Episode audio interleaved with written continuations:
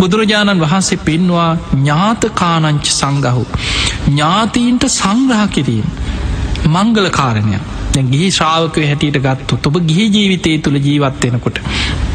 ගිහි ශ්‍රාවකයන්ට ඉතින් නෑදැයුත්තින්නවන ඒ ඥාතීන් එක කටයුතු කරනකොට බොහෝම පරිස්සමින් කටයුතු කළ යුතුයි. ඒ නිසා ඔවුන්ගේ හිත් දිනාගෙන ඔවුන් එක කටයුතු කරනකොට බෝම ගැටුම් ඇති කරගන්න නැතුව ඒ අයි දැන් ගෙදරකට නෑදෑයවාවට පස්සේ අඩුගාන අපිට දැම් බලන්න මේ ධර්මය තියෙන දේවල් අපේ ජීවිතවලට එකතු වෙලා තියෙන හැටි. බොහෝ වෙලාවට සමහර රටවල ඒ යම් යම් ආගම් අදහගෙනින් අනික් ජාතීන් තුළ මේ ලක්ෂණ මේ මනුස්්‍යයන්ට සැලක් ගෙදර ඉන්න කෙනෙකුට තේකක් අද අපේ තියෙනවා මනුසේ කාවට පස්සේ එන්න වාඩි වෙන්න. තේකක් හරි බොමුද කියලා. තේ ටිකක් හරි දෙනවා. අඩුගාන බුලත්තිටක් හරිස්සර මිනිස්සු බුලත්තිටක් දීලා එක්ක ඒකක් දීලා කුරුම්ඹගෙඩියක් හරි කපල දීලා කෑමටිකක් ගෙදර කන්න නෑ නිකං හරි. කෑමටිකක් හරි කාලයන් කියලා. ඒක තමයි මනුස්සකම. එදකොට මේ චාරිත්‍ර මේ ධර්මයත් එක්ක ගොඩනැගිච්ච මේ සිංහල සංස්ෘතියත් එක ගොඩනැගිච්ච ක්‍රමවේදයක් බුදු දහමත්තේ අතීතී නම් පැවතගෙනාව. ඒ නිසා තරහකාරයෙක්වෙන්න පුළුවන්. දැන් අවුරුදු හිතන් සිංහල අවුරුද්ධ එනකොට තරහකාරය පවා සමාල නෑදෑයව තමයි. හැබැයි කොඩි වින කරගෙන හූනියන් කරගෙන සම නොඒ ප්‍රශ්න ඇති කරගෙන නොයෙක් එන්නේ නෑ. මරණටවත් එන්න එන්නෙම නෑ කියලා දහතේ දිවරපයි වෙන්න පුළුවන්. සමහල්ලාවට ඒත් අනේ කැවුම් පිගානක් කරගෙන කෑම පිගානක් කරගෙන අවුරුද්ධට අර පරණ කෝන්තර හරි අතහැරලා මොනවා වුනත් නෑ. දැන් ඔය සමහර මොන ප්‍රශ්න තිබුණා සමහල්ලාට මළගයක් වුණාට පස්සේ අන්න අන්තිමට එකතු වෙන්න ඉන්න ඔයට ඔය අය. ජීවත් වෙලා ඉන්න තාකල් රණ්ඩු වෙනවා මරාගන්නවා පිහි උත්සගෙන කඩු උත්සගෙන පොළු උත්සගෙන රණ්ඩුවෙන් අන්තිමට කරදරයක් වුණාට පස්සේ දුකකට පත් වනාට පස්සේ මේ මොනවා වුනත් අපේවුම් අපේවුම් කියලා අර තමන්ගෙකම තියෙන පිරිසක් ඥාතීන් අතර ගොඩ නැගෙන්න්න පුළුව. ඒ නිසා ඒ ඥාති සංග්‍රහය කියන එක ආවට පස්සෙ කෑමටිකක් දෙන එක හොඳින් කතාබා කරන එක ඒක බුදුරජාණන් වහන්සේ අගේ කරනවා ඒක ජීවත්වෙනකොට ඔබ තුළ ඇතිකරගත යුතු මංගල කාරණය. එනිසා ඔබ ඒ ඥාතින් හැබැයි බුදුරජාණන් වහන්සේ මේගේ ඥාතීන් හැටියට පෙන්නුවට සැබෑම ඥාතියා කෞුද කියන එක බුදුරජාණන් වහන්සේ පෙන්නනවා විශ්වාසා පරමාඥාති නෑදෑයෝ අතර ඉන්න පුළුවන්. මරන්න සැලසුම් හදන කෙනා.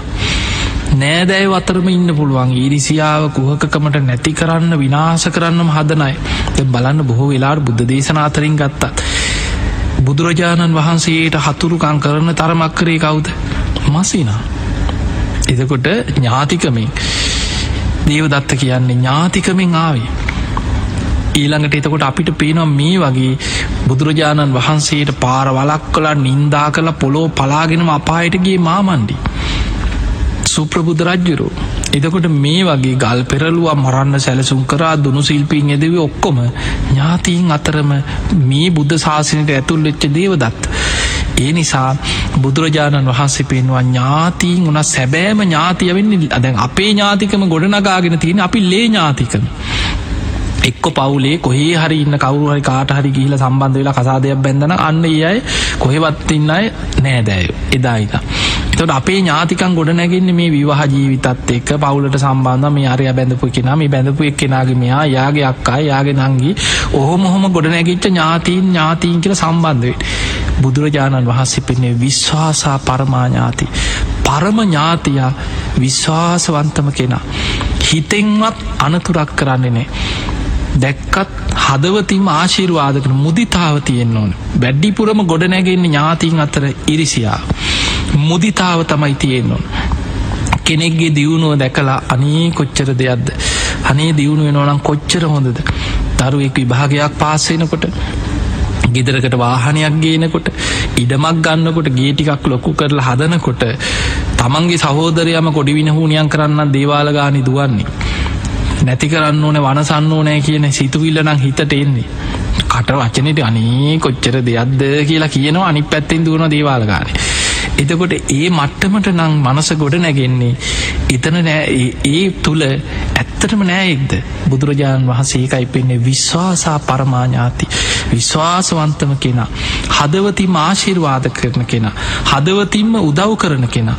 තමන්ට දුකේදි පිහිට වෙන කෙනා. අන්න පරම ඥාතිය. ඒ නිසා එවැනි ඥාති ජීවිතයට යාලුව මිත්‍රයෝ ඥාතින් අවශ්‍යයි. ඒ අය එක සම්බන්ධතා ගොඩනගාගන්න අපිට පේනවා ලෝකෙද සමහරු ජීවත් අපිට ඔය එකෙක්කත් ඕන්න එහෙම ජීවත්වෙන කොටසක්කින්න වාම ඔය එකෙක්කක් ගණන් ගන්න. මම තනියෙන් ඉන්නේ. අපිට පේනවා කාත් කවුරුත් නැතු අන්තිමට. අපි පාරවල්ල ලනකොට අපි දකිනො මේ කොළ මේනකොට හවසට. බුරැල්ල කනත්තට මිනි උත්සගෙන යන හැටි අපිට පේනවා. සමහර මිනිිය පිටි පස්සේ උත්සගෙන යන්නේ හතර දෙනයි. දෙන්නේ කණ්ඩාන්ඩ යනවා එච්චරයි.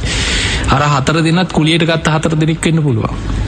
කාත් නෑදැයි කැසුරක් නෑ යාළුවෙක් නෑ හිතවතෙක් නෑ ජීවිත කාලෙම එක්ක විදරකට වෙලා හි කකාබිබී පොතේ සල්ලිටික දාගෙන ඔහොම ජීවත්වෙනවා. ඒ තුළ තමන්ට ලෙඩකදි දුකකදි කරදරයකද විපතකදි කාත් කවුරුත් නැතු අන්ත අසරණ වෙන අවස්ථාතියෙන්. ඒ නිසා පිංවතුනේ සමාජ ජීවත් වෙනකොට ඔබ ගිහිශ්‍රාවකයෝ නම් ඔබට ගිහි ජීවිතය තුළ සමාජයත් එක් ඔබ වැඩ කරන්න.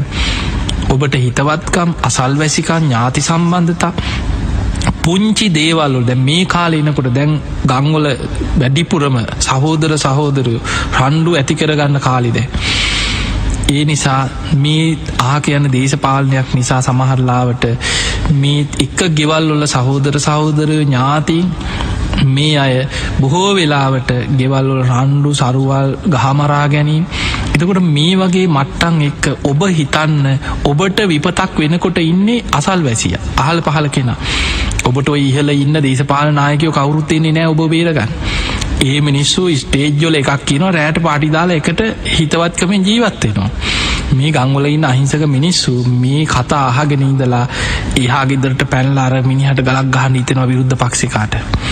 ඒ මනුෂ්‍යයක් දකිනකොට කේන් තියෙනවා. එතකොට මේ මේ වගේ මේ දවේශය වෛරය අවස්සා ගැනීම තුළ මේ මනුස්්‍යය අතර මේ ඥාති සම්බන්ධතා බොහෝ වෙලාවට විනාස කරගන්න තැන.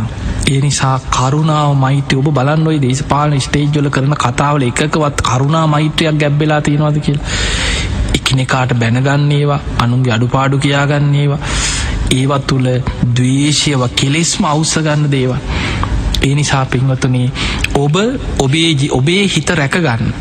ලෝකයාම ඔබට හදන්න බැරිවුණත් ඔබට ඔබේ හිත රැකගන්න පුළුව අන්නේ නිසා ඔබ ජීවත්වෙනකොට මේ ඥාතීන් යාලුව මිට්‍රෝ හිතවත්තු අතර සැබෑ ඥාතීන් අඳුනගන්න ඒ සැබෑ ඥාති අඳුනගන්න තියෙන්නේ විශ්වාසා පරමාඥාති විශ්වාසවන්තම පුද්ගලයෝ. ඔබේ ජීවිතයට හදවතිම ආශීර්වාද කරනයි ඔබේ දියුණුව කැමති අයි. ඔබේ ජයග්‍රහණයට හදවතින්ම ආශීර්වාද කරන උපකාර කරන අය ජීවිතය මුණගැහෙයි ඔබ අසරණ වෙනකොට ඔබ වැටෙනකොට ඔබට අත දෙනයි ඔබට පිහිට වෙන අය. අන්නේ අයි ජීවිතේ ලංකරගන්න ඔවුන්ට උදව් කරන්න. ඔවුන් එක එකට ජීවත්තයෙන් බුදුරජාණන් වහස්වෙන් ඥාත කානංච සංගහෝ ඔවුන්ට සංග්‍රහ කරමින් ඔවුන් එක ජීවත්තයෙන් එක මංගල කාරණය